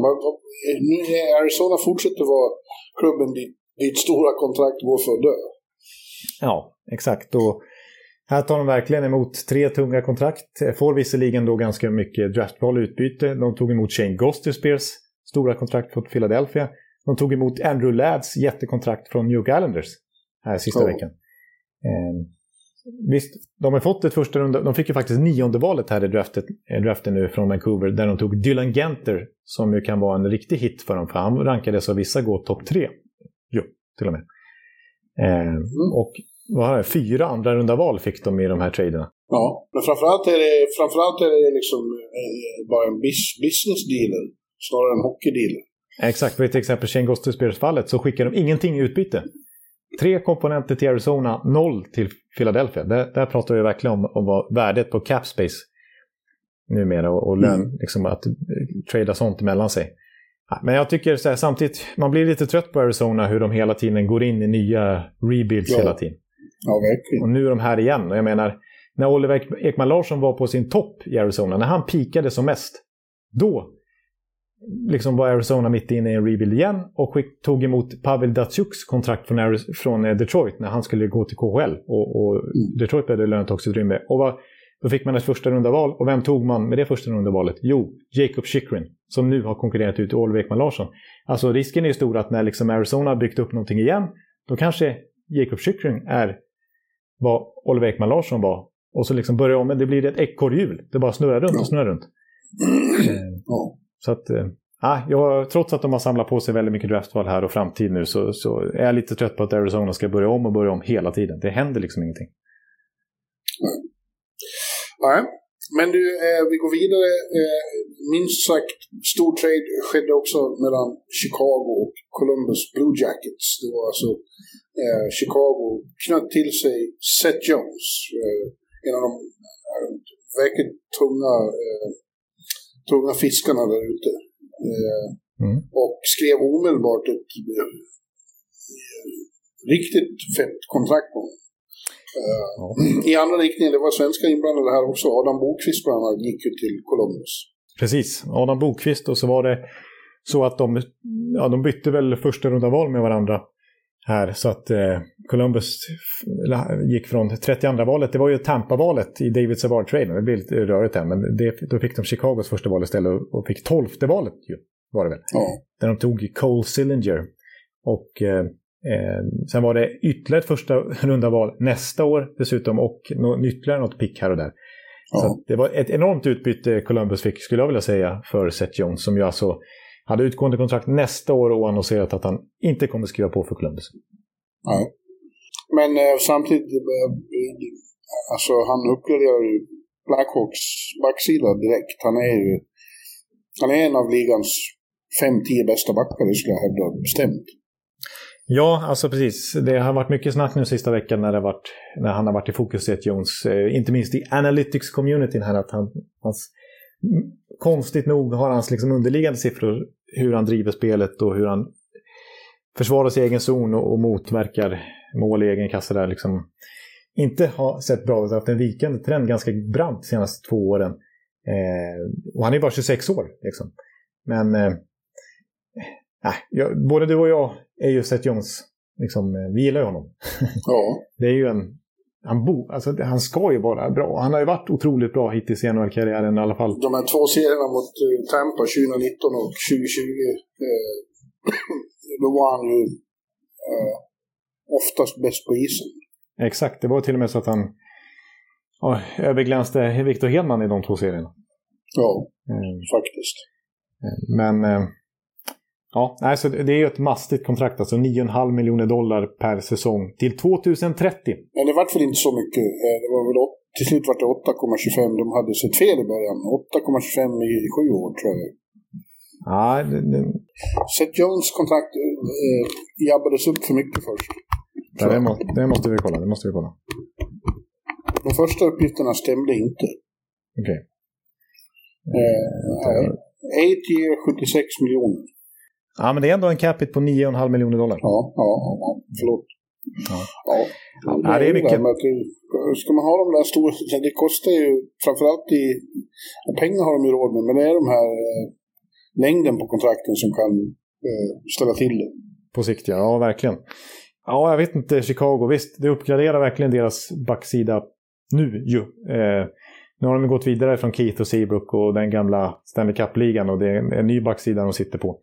Eh, och, och Seth Jones blir ju solklar här före det där. Och visst, Patrick Kane är fortfarande superelit och de har Alex DeBrinket som gör in mål den gångna säsongen och de har Kirby Dark som redan nu är en faktor framåt för dem. Eh, och målvakterna imponerade ju faktiskt under säsongen som gick. Men trots att de faktiskt överträffade förväntningarna här i våras så slutar de ändå nio poäng från slutspel. Och ta in Seth Jones på det här kontraktet, det känns nästan som en här contender deal, liksom sista pusselbiten. Lägga de stora pengarna på en sån spelare. Och att liksom, ja, nu blir vi en contender på riktigt. Och där ser jag ju inte Chicago, trots Seth Jones. Nej, kanske inte. Vi får se. Det är inte klart än, Jonte. Det kan, mm. de är ju petar i andra free, free agents också. Ja. Eh, ja. En stor trade i alla fall. En riktig blockbuster får man säga. Det var det. Mm. Eh, sen hade vi en stor mellan Buffalo och Philadelphia också. Det har vi redan eh, eh nämnt i förbigående att Robert Hägg eh, gå till Buffalo. Och det är ju Rasmus Ristolainen som efter många år av eh, rykten om att han skulle bli tradad, nu blev det till slut, till Philadelphia. Och Philadelphia betalade inte bara Robert Hägg, de betalade ett första val, ett högt första val ja. eh, i, i, den här draften. Ja. och det var många som inte tyckte att han var värd det. Nej, precis. Och för det valet var det inte det som eh, Buffalo tog Isak Rosén för faktiskt. Ja, just det. Ja. Um, ja, ja, så jag, högt. Det var nummer 15. ja, exakt. Ja, det har ju varit en liten shake-up här i, i, eh, i, Flyers får man säga sista veckan här med Gostisbeer som man nämnde ut. Eh, ja, eh, Vorasek rök ju. Vi får nämna den traden också mot Cam Atkinson i, i Columbus. Och förra veckan var vi inne på att Myers, Philip Myers backen och eh, Nolan Patrick rök i den traden för att få Ryan Ellis. Så det är ganska mycket nytt ja. i Flyers och mycket gammalt som har försvunnit. Ja. Och, och, ja. Man visste att de skulle göra någonting för att, att liksom det var en miss i slutspel. Trots att de såg sig själva som en contender här förra säsongen. Och de var ju faktiskt det lag som släppte in mest mål i hela NHL. Eh, så att de skulle göra någonting åt backsidan, det var ju, för det var ju svängdörrar där. Det var ju givet. Men ja, visst det är två profilerade namn de fått in här. Ryan, Ryan Ellis inte minst. Det är en jättebra värvning som vi var inne på förra veckan. Och Rasmus Ristolainen är ju ett relativt stort namn också. Men nej, jag tycker fortfarande inte att det är riktigt... Det, alltså, det är två snarare offensivt skickliga backar än defensivt skickliga backar. Jag tycker fortfarande dynamiken i deras backuppsättning där är suspekt. Jag, jag, jag har svårt att se att Philadelphia Flyers helt plötsligt ska bli ett lag som inte släpper in så mycket mål. Även om Carter Hart spelar upp sig rejält. Ja, jag, jag tror i och för sig att Ryan Ellis och Provorov är ett väldigt bra första backpar. Ja, kan de spela 25-30 minuter bara de så, så ser det ju bra ut. Och Ristolainen tror jag ändå är, det finns eh, mer där än vi har sett i, i Buffalo de senaste åren. Det, det, känner jag. Och sen tror jag, du nämnde här, våra gått till Columbus, Columbus som verkligen har varit aktiva. Ja, där eh, snackar vi shake-up också. Det behöver de ju vara. Eh, att Cam Atkinson kommer, det, det är också en sån här som jag tror när han är i, i bra slag så är det ju en målspruta. Mm, han har varit uppe på 40 mål i NHL. Ja, han har problem med skador och så, men om han får en nytändning, han känns som en sån som kan få det efter många år i Columbus, så tror jag att det, där det är ett fyndpotential där. Ja, precis. Och, och sen, apropå defensiven har släppt in mycket mål, så här, en lite inte dold är det verkligen inte, men en lite, eh, man, man pratar inte riktigt på det sättet om Cam Atkinson, men det är en otroligt skicklig boxplay-spelare. Lirar nästan 20 minuter mer än någon annan forward i Columbus i boxplay den gångna säsongen. John Tortorella gav honom enormt förtroende i den spelformen. Han är väldigt duktig i boxplay. Han kommer direkt gå in och fylla den funktionen även i Philadelphia. Så att det är ju inte bara en målskytt, utan det är en tvåvägsforward som jobbar stenhårt i båda ändar av isen och kan användas i olika spelformer. Ja. Ja, men Columbus då, som sagt, våra tjecker spelade ju där i början av sin NHL-karriär och kommer hem igen. Uh, vi, vi, vi nämnde inte så mycket om Adam Bokvist, men det är ju en, eh, en talang. Uh, ja, alltså... Som kommer in i ett, också ett stort svenskt lag nu med, med alla som finns där. Ja, alltså ja, Nyqvist och det är Kevin Stenlund och Emil ja, Wemström. Ja. ja, just precis. Gabriel Karlsson. Ja, nej men alltså snacka om att det är shake-up i Columbus också. Om man jämför med det lag som, som 2019 chockade Tampa så känner man ju inte igen det. Dels är inte Tortorella kvar på bänken. Men det är kapten Foligno är borta. Eh, ja, mm. Panarin och Bobrovski försvann ju redan då. Eh, det är, jag menar, Josh Anderson är inte kvar. Pierre-Luc Dubois bråkar sig bort. Eh, oh. ja, David Savard är borta. Cam Atkinson är borta nu också. Seth Jones är borta. Ja, det är helt otroligt. Det är hela kärnan. Ja. Det är nästan bara Zach Wierenski man kommer ihåg från det laget, höll jag på att säga. Det, det, jag tror att det handlar väldigt mycket om, eh, eh, nu är han borta då, men Tortorella. Det är många som inte vill spela för honom helt enkelt. Nej. Nej. Ja, medan nu är, det, nu är ju Tortorella borta som sagt också och Kekkeläinen känns som att han har bytt lite filosofi i spelartyperna han jagar. För att det är en Adam Bokvist, en utpräglat offensiv back som kommer in. Det är en Jake Bean som de tradar till sig här också från Carolina lite oväntat, ganska billigt tyckte jag. Jag trodde Seattle skulle ta honom i, i expansionsdraften. Det är också en väldigt offensivt skicklig back. Mm. Eh, de draftar Kent Johnson, bra namn för övrigt. Eh, ja, verkligen. eh, som femma totalt i draften så var han nu eh, den enligt många skickligaste spelaren i draften rent teknikmässigt. Så att det är ju det är ett mer attraktivt Columbus som det ser ut som att Kekkelainen försöker bygga här post Tortorella. Ja. Eh, ett annat lag där det händer saker i är New York Rangers. Eh, det har gjort ända sedan eh, Dolan klev in och, och, och rensade i huset. Ja. Eh, vi, vi, vi, diskuterade redan förra veckan att de hade knutit till sig eh, Barclay Goodrow. Barclay Goodrows kontrakt och nu har de skrivit en förlängning med honom som ja, vad får han? 3,6 tror jag det blev. Ja. På sex och, år. Mm. Ja. Det, det, är mycket för, alltså det är lite dubbelt. De kommer ha nytta av honom. Han kommer att vara bra, men han är ju bottom six.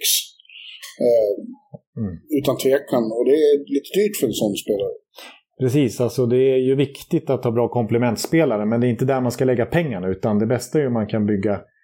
Eh, alltså man kan komplettera min, sin spets med billig bredd. Som ja. tillför mycket. Och i det här fallet, de klubbar som lägger mycket pengar på sin, på sin bredd, där, de brukar inte gå så bra för. Det är väl lite där, där det facket som Vancouver brukar hamna i till exempel. Ehm, så ja, lite tveksamt av Drury, men eh, ja, det är uppenbart att att Rangers ska bli mer eh, gritty och allt det här som vi har pratat om, att de ska tuffa till sig.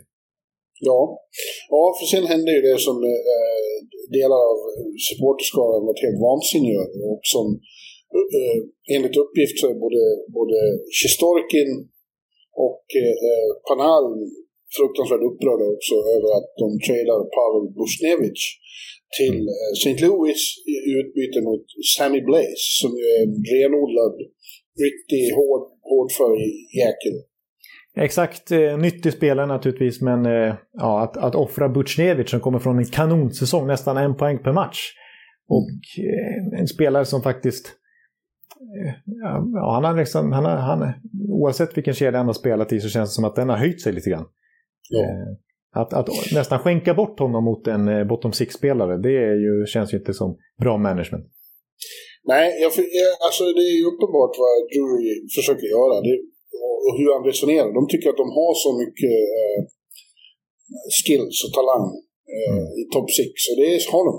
De vill lyfta upp tycker... Kacko och Lafreniere mycket ja, tidigare. Men, vänta, så, så tycker de att de har så mycket av det att de kan offra en pjäs för, för att få in mer muskler och tuffhet. Och det, det, det, det kan ju vara så att det behövs. Så de har varit lite uh, pushed around förra säsongen.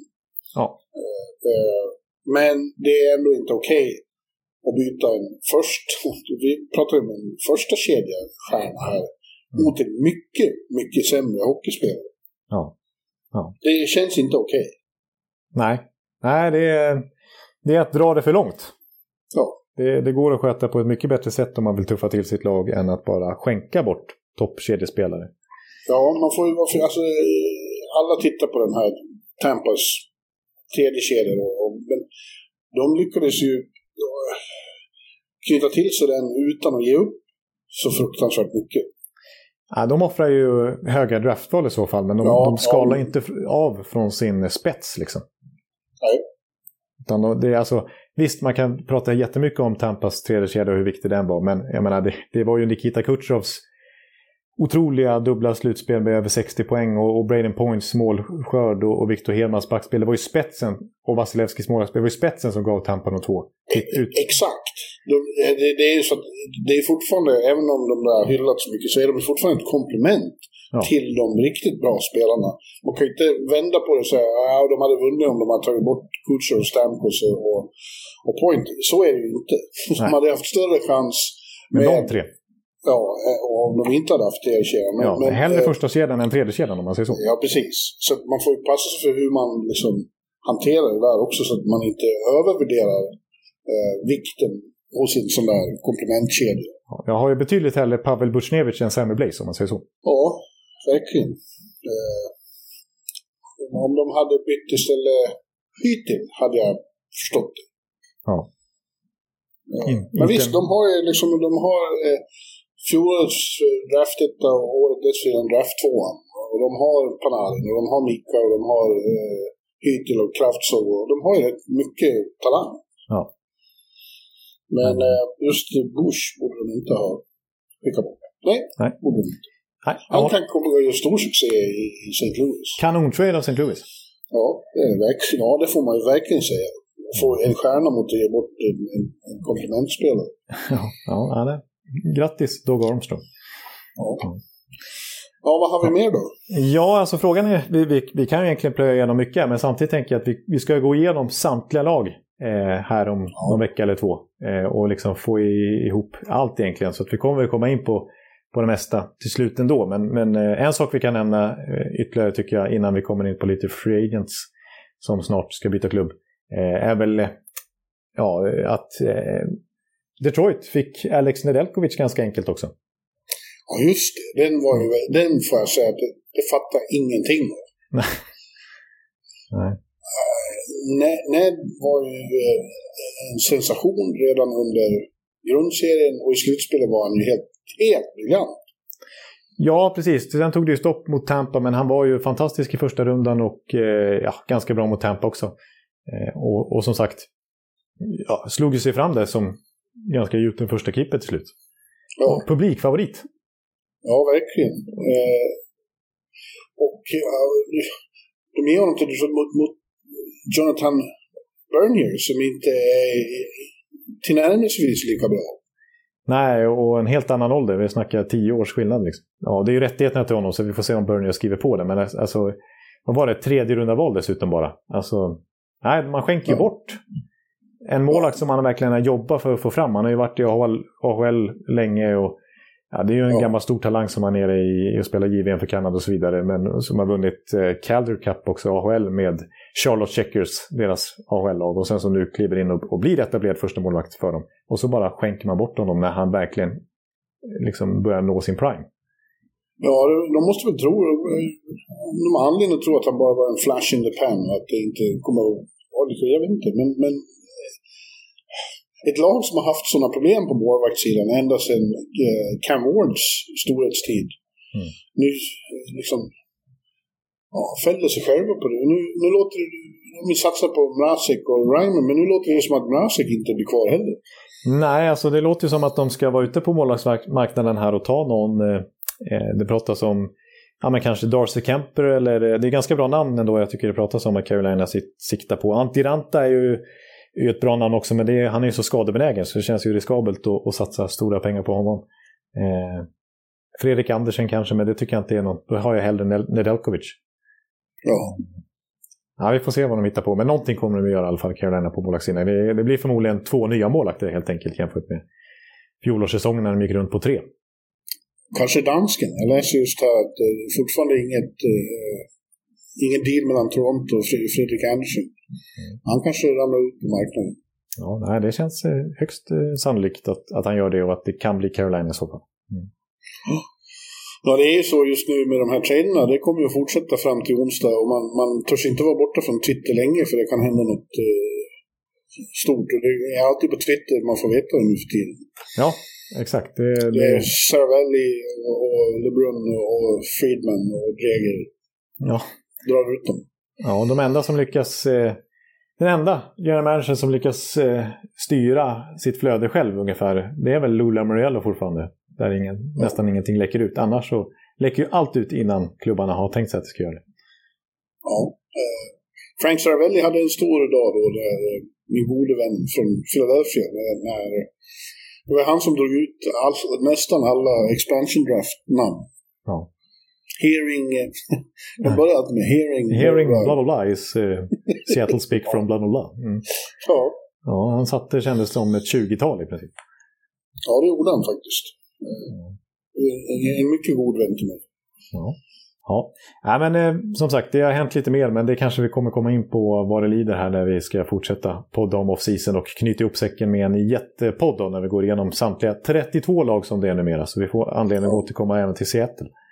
När det ja. kanske hänt lite mer. Men eh, ska vi ta... Jo, förresten, en, ja. en, en, en till vill jag ändå nämna. Ja. Som, som eh, bidrar ännu mer till intrycket att Florida Panthers kan bli bäst i sin delstat nästa år. Usch. Och kan bli en riktig contender. Uh, de uh, tog ju Sam Reinhardt från, från Buffalo. Ja. Uh, det känns som en mycket, mycket bra tillskott där. Och det, Panthers har ett riktigt jävla spännande lag på gång. Du får lov att hålla med om. Absolut, jag tycker Bill, Bill Zito har ju nästan gjort mirakel med Florida sedan han tog över det. Han har träffat rätt i princip alla värvningar han har gjort. Ja. Eh, alltså till och med sådana dålisvärvningar som Carter Verhage har ju liksom, Anthony Duclair och så vidare har verkligen blommat upp där. Eh, och... Jag tror att jag kör, jag ska snart göra ett så kallat kamikaze-tips. Eh, bara vi har fått eh, free agency bakom. Jag tror att tippa Florida vinner. Eh, Divisionen? 2022. Ja, Efter blir... final mot efter final mot Vancouver. De vinner, okej, okay, de vinner hela, hela skiten alltså. Usch. Ja. Ja. Usch, ja. säger jag. Ja, det säger jag faktiskt. Men absolut, jag håller med dig om Sam Reinhardt, att det känns som en ytterligare en bra satsning av, av Bill Zito. Han har gjort det väldigt bra i Buffalo, måste jag säga, under de här åren. Visst, han var lite floppstämpel på honom efter att ha gått högt i draften. gick ju tvåa 2014 efter Aaron Eckblad. Eh, och så gick liksom, de hade chansen att ta Leon Draisaitl istället, Buffalo. Eh, men tog Reinhardt. Så att i, i det skedet så, så har han varit lite besvikelse. Men han, han gör ju ändå mycket poäng år efter år. Det spelar inte stå, så stor roll om man spelar med Eichel eller om man spelar med, med en bra spelare in till sig. Han har förmågan att driva en kedja själv. Och kan spela både center och ytterforward och sådär. Och är duktig i powerplay och i 5 mot 5 också. Så att, ja, jag tycker han, han, kommer definitivt smälta in där i, i Florida och kunna spela andra center eller kunna spela uppe med Barkov i första kedjan också. Just nu kom nyheten att deras andra Sam, Sam Bennett, har mm. just mm. skrivit på en fyra års deal. Också jättesuccé i Florida sen ja. han kom från, från Calgary och verkligen fått en ny tändning. Och, och, vi har inte ens nämnt Forsling då som har skrivit nytt kontrakt också som ju, de tog på waivers. Ja. ja, som var helt grym. Ja, precis. Ja. Eh, ja. ja. men du, eh, onsdag eh, mitt på eh, eftermiddagen här så, så, så eh, öppnar ju Free Agency-fönstret då och även då så förväntar vi oss att det kommer att hända mycket. Eh, det är några riktigt tunga namn som är unrestricted free agents. Vi har nämnt honom flera gånger, men Gabriel Landeskog är ju en. Och, eh, ja. Alla tog, har ju tagit för givet att han kommer att bli kvar i Colorado. Han är extremt förknippad med klubben. Han är, är han är kapten kapten sedan länge och liksom väldigt stor del av deras identitet, även om det finns eh, superstars som har ännu mer skills, så är det liksom Gabriels lag. Men, men nu ju längre tid det går desto sämre och sämre nyheter kommer från Colorado om, om att eh, de står extremt långt ifrån varandra. Att det har surnat ihop ordentligt i förhandlingarna. Sent som sent igår kväll så Adrian Dater kom ut med som har varit hela tiden sagt att nej, det kommer ordna sig. Mm. Han till och med han skrev att nej, nu hör jag att det inte alls eh, ser bra ut. Turn for the worse. Ja. Senast de pratade. Ja. Och ett tag så pratade de inte alls. Och Adrian Dater är som sagt då eh, beatwriter i, i Denver för Colorado. Så att, eh, han borde ha koll på, på vad han twittrar om. Eh, ja, ja. man inte har så mycket koll på. Nej, vi ska inte gå in på det. Nej. ja. Han är, han är utesluten ur vår Professional Hockey Writers Association. Ja, det är en kontroversiell herre. Så att, eh, ja. det går att säga mycket där. Ja. Eh, och då är frågan vad, vad, vad, vad tar Gabriel vägen som vill ha ett långt kontrakt med mycket pengar och, och eh, Colorado vill ge varken eller. Ja, precis. Så att, eh, och på ett sätt kan jag tycka så här, visst det är lite skrämmande kanske att skriva det här åttaårskontraktet för 9 miljoner dollar som kanske Gabriel vill ha. Eh, när han trots allt närmar sig 30 här, det är väl nästa år han fyller 30. Och han har ju, till skillnad från Ekman Larsson, så har ju han en, en spelstil som inte brukar åldras så väl. När man spelar fysiskt, när man offrar sig mycket för laget. Och, och sådär. Vi har ju sett många så här, eh, som har skrivit just den ålder som, som han är nu och sen skriver långtidskontrakt och ganska snabbt gått ut för. Alltså jag ska inte nämna, ska inte, det behöver inte bli så med, med honom, men jag tänker på David Backes, jag tänker på Milan Lucic, jag tänker på Andrew Ladd, jag tänker på några till. Eh, ja, så att på det viset är det lite läskigt. Att, kan jag förstå att Colorado kanske är lite återhållsamma här, men samtidigt är det verkligen en jätteförlust för dem att bli av med sitt hjärta. Ja. Men eh, det finns ju lag som skulle förmodligen ge honom kontrakt. Om det är det som är det centrala för, för, för Gabriel, det är det väl. Liksom. Ja. Eh, så finns det alternativ. Absolut, alltså vi har ju pratat om, Los Angeles har ju redan agerat lite här dels i svensk väg men också i att liksom gasa sig upp lite från, från sin rebuild med att ta Viktor Arvidsson. Och det pratades ju om att de vill ha en, in en sån riktig karaktär Gabriel Larsson. För, äh, Gabriel. Gabriel Landeskog. för att... Eh, vad fick jag det ifrån? Eh, för Gabriel Larsson? Gabriel Larsson. Eh, för att få in en sån eh, figur som Gabriel Larsson. Nej, men i... i eh, och liksom boosta upp deras eh, väg uppåt här nu ordentligt. Eh, St. Louis har påståtts vara väldigt intresserade också och några lag till. Många intressenter finns det i alla fall. Ja. Men ja, vi kan ju nämna några till. Jag, jag skrev faktiskt upp några här, eh, position för position. På målvaktssidan, alltså det är en annan som sitter och väntar på ett nytt kontrakt i Colorado, det är ju Philip Grubauer. Ja. Fredrik Andersen nämnde du, Antti Ranta nämnde jag. På backsidan är ju det största namnet naturligtvis Doggy Hamilton. Just det. Där snackar vi ju verkligen. Det är inte ofta en sån superstjärna finns tillgänglig i sin prime. Eh, Nej. Tyson Barry, offensiv skyttleback. Ryan Suter blev utköpt och ska ha en ny klubb. Eh, precis som Parisi. Precis, precis som Parisi, precis som Keith Yandel som Florida köpte ut. Eh, ja, vi har David Sevard som jag tror är risk att han får ett kanske lite för högt kontrakt, men kommer ju precis här från att ha lyft handikappbucklan. Eh. Ja, är det inte risk att Tampa förlorar även den tredje länken i den där tredje kedjan, betjänten? Betjänten Blake Coleman ryktas det om att han vill ha ungefär 5 miljoner dollar i lön och det har de inte råd med Tampa. Så att hela tredje kedjan som har varit Identity Line som den har kallats, den ryker. Det blir ingen trippel? Det är väldigt svårt att se en tripit eh, utan den här bredden trots allt. För nu har vi sagt mm. och, nu har vi liksom hypat uh, spetsen som det viktigaste. Men det är klart att när de inte har så mycket komplement alls på samma sätt som de hade, som varit bortskämda med här nu senaste två åren så, så blir det mycket tuffare. Eh, men framåt så har vi ju Landeskog, vi har Philip Danot, ser faktiskt ut att testa free agent-marknaden efter sin fina slutspelsinsats för Montreal. Eh, Blake Coleman, Cal Palmieri, eh, Zach Hyman ryktas det ju att han är överens med Edmonton från Toronto. Mm. Jaden Schwartz, där pratas det lite om Seattle faktiskt. Mike Hoffman, Thomas Tatar, vi har Nick Foligno, vi har David Krejci som lär byta klubb för första gången i karriären efter 15 år också. Ja, eh, precis som Andrew Morrison där i Boston kan du nämna också Halak. Halak också finns ju tillgänglig. Mm. Ja, eh, intressant. Och så är det ju Jack Eichel som vi inte vet, han blir inte UFA, men det är fortfarande så att han och, Buffalo står långt ifrån varandra. Och, eh, agenten gick ut igår och sa att eh, det kommer lösa sig inom några år. Han vill inte vara kvar i Buffalo, det är bara så. Medan Buffalo försöker säga att oss spelar ingen roll om det inte går fort. Eh, Nej. och det finns ju klubbar, det har varit oroväckande eh, uppgifter här i New York om att, om att Rangers rent av kan vara villiga att, att röra på Mika för att få, få in Eichel. Det skulle vara jävligt tråkigt tycker jag. Ja, men det är förståeligt tycker jag faktiskt eh, utifrån om de ska gå efter Eichel. För att då, är, då blir det svårt ekonomiskt med Mika som dessutom, han är väl UFA om ett år bara. Eh, och han ska få marknadsmä marknadsmässig lön sen. Så, så, så, så blir det nog så faktiskt att de får välja mellan Eichel och Mika. Ja, jag väljer, jag väljer Mika. Ja. ja, och speciellt lite grann också nu med Eichels eh, skadesituation här som är lite oroväckande på sikt kanske om man ska offra så mycket som det kommer krävas. Det är ju ett enormt pris Kevin Adams har sagt, satt.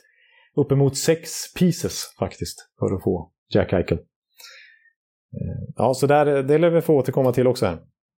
Ja. Eh, Men som sagt, 18.00 på onsdagen. Då, det är 12.00 din tid där borta i New York, eh, mitt på dagen. Då, då Det öppnar är spännande. Ja, så det kommer Men röra på eh, sig. det kan, eh, det kan ju bli, eh, som sagt, trader kan inträffa innan dess också. Absolut. Det gäller att hålla ögonen öppna.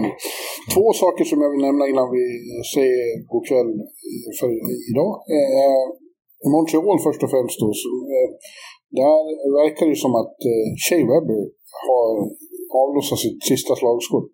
Han, det är helt klart att han missar nästa säsong, säger Bergeron. Men förmodligen är karriären över. Ja, det är ju oväntat ändå med tanke på vilken faktor han var i slutspelet Ja. alldeles nyss.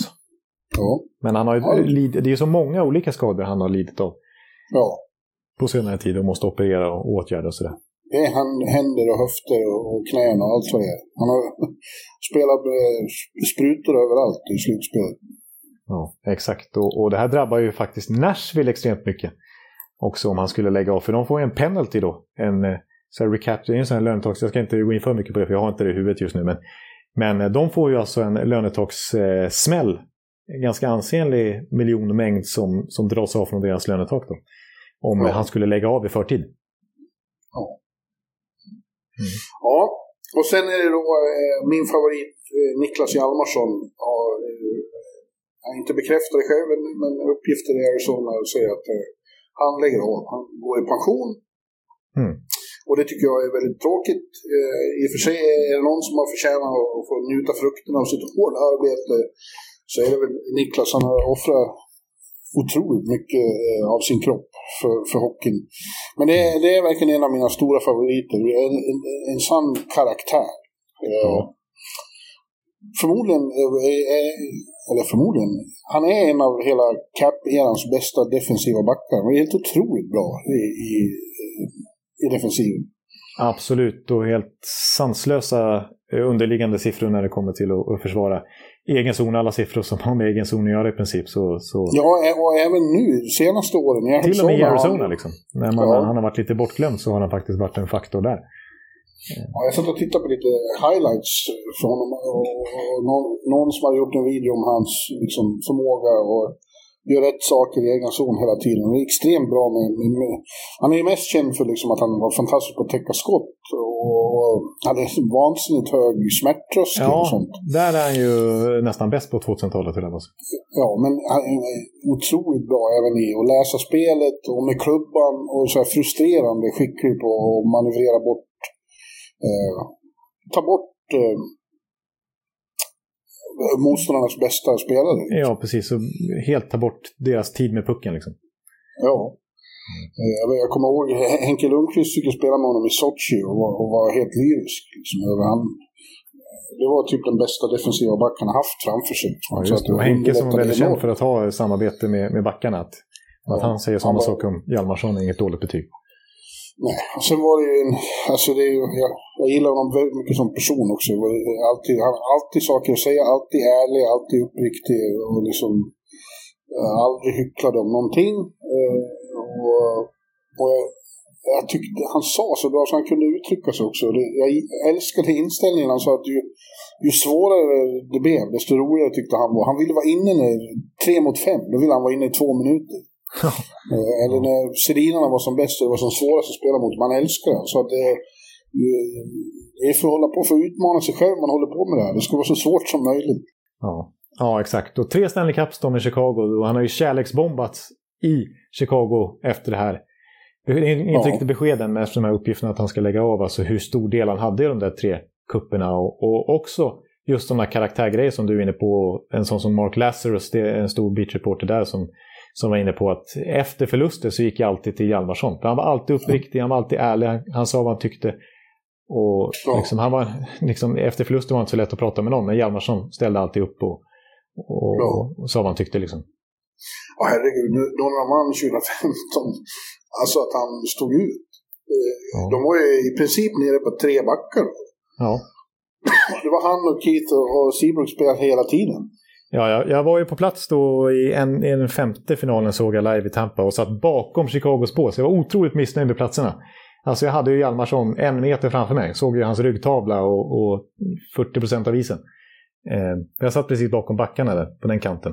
Och ja, Det var lite kul att se hur eh, Keith och Hjalmarsson och Seabrook, när de försökte byta, när de sneglade mot bänken och bara “kan jag få byta?” och det bara var så här, nej. Man såg liksom den diskreta lilla från Quenville, den diskreta lilla bara så här, nej, nej, nej.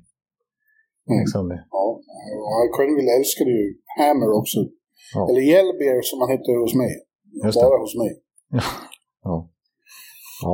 ja en, en storartad och i Sverige lite underskattad kanonkarriär i NHL. Eh, en av våra allra bästa och jag, jag vill tacka honom för allt. Ja. Fint, Bjurman. Jag mm. håller med. Eh, att han är väldigt underskattad och alltså att han benämns nu. På många håll inte bra här, liksom, vi, vi som är lite svensk liksom, ögda, höll jag på att säga. Eh, och de som liksom, Chicago-ögda, man ska säga. Det är, många säger att nej, han, han är faktiskt en av de bästa defensiva backarna. Det här på den här sidan millennieskiftet i hela NHL. Världen. Ja. Mm. Ja, storartat. Ja, men du, eh, då eh, sätter vi punkt för den här veckan, men eh, snart är vi tillbaka med, och då är det stora sammanfattningen. Ja, det blir väl så att nästa avsnitt så ska vi plöja igenom de 32 lagen och eh, då eh, har vi nog ingen riktig tidsgräns utan då det blir minst två timmar, kanske tre, kanske mer. Vi får se var vi landar. Men det brukar ja. bli något sånt. Ja. Ja men eh, härligt Ekan, nu får du väl sätta igång med volleyboll och, landhockey ja. och, och vattenpolo. ja, jag får sitta och pyssla lite med sånt eh, tills dess. Men jag kommer naturligtvis hänga med i NHL-cirkusen och här också. Eh, När börjar friidrotten undrar jag? Ja, är det på fredag eller? Det är väl nu till helgen som kommer i alla fall. Ja. Det är andra halvan av OS. Det är det man vill se. Ja. ja, det är bra. Ja, men vi säger så för den här veckan och på återhörande nästa. Hej, hej! Hej! Hallå, hallå, hallå! Hallå, hallå, hallå! Alex Chiazot, Joe Luis Arena och Esposito. Uttalsproblem, men vi tjötar ändå. Och alla kan vara lugna, inspelningsknappen är på. Bjuder Hanna Kohl, han är grym i sin roll. Från Kållesoffan har han fullständig kontroll på det som händer och sker. Det blir ju allt fler som rattar in hans blogg. Och lyssna på hans podd. One, two, three, speed, so Hallå, hallå, hallå. One, two, three, speed, so Hallå, hallå, hallå. Ekeliv, som är ung och har driv. Verkar stor och stark och känns allmänt massiv. Han hejar på Tampa och älskar Hedman. Sjunger som Sinatra. Ja, och det ser man. Nu är det dags för refräng. Dags för magi, Victor Norén. Du är ett geni. Så stand up at home and remove your hats. Höj volym, för nu är det plats. One, two, three, speed, so Hallå, hallå, hallå. One, two, three, speed, so Hallå, hallå, hallå. One, two, three, speed, so Hallå, hallå, hallå. One, two, three, speed, so Hallå, hallå, hallå. Det är otroligt länge sedan båda samtidigt var så här bra. Hallå, hallå, hallå. Det är otroligt länge sedan båda samtidigt var så här bra.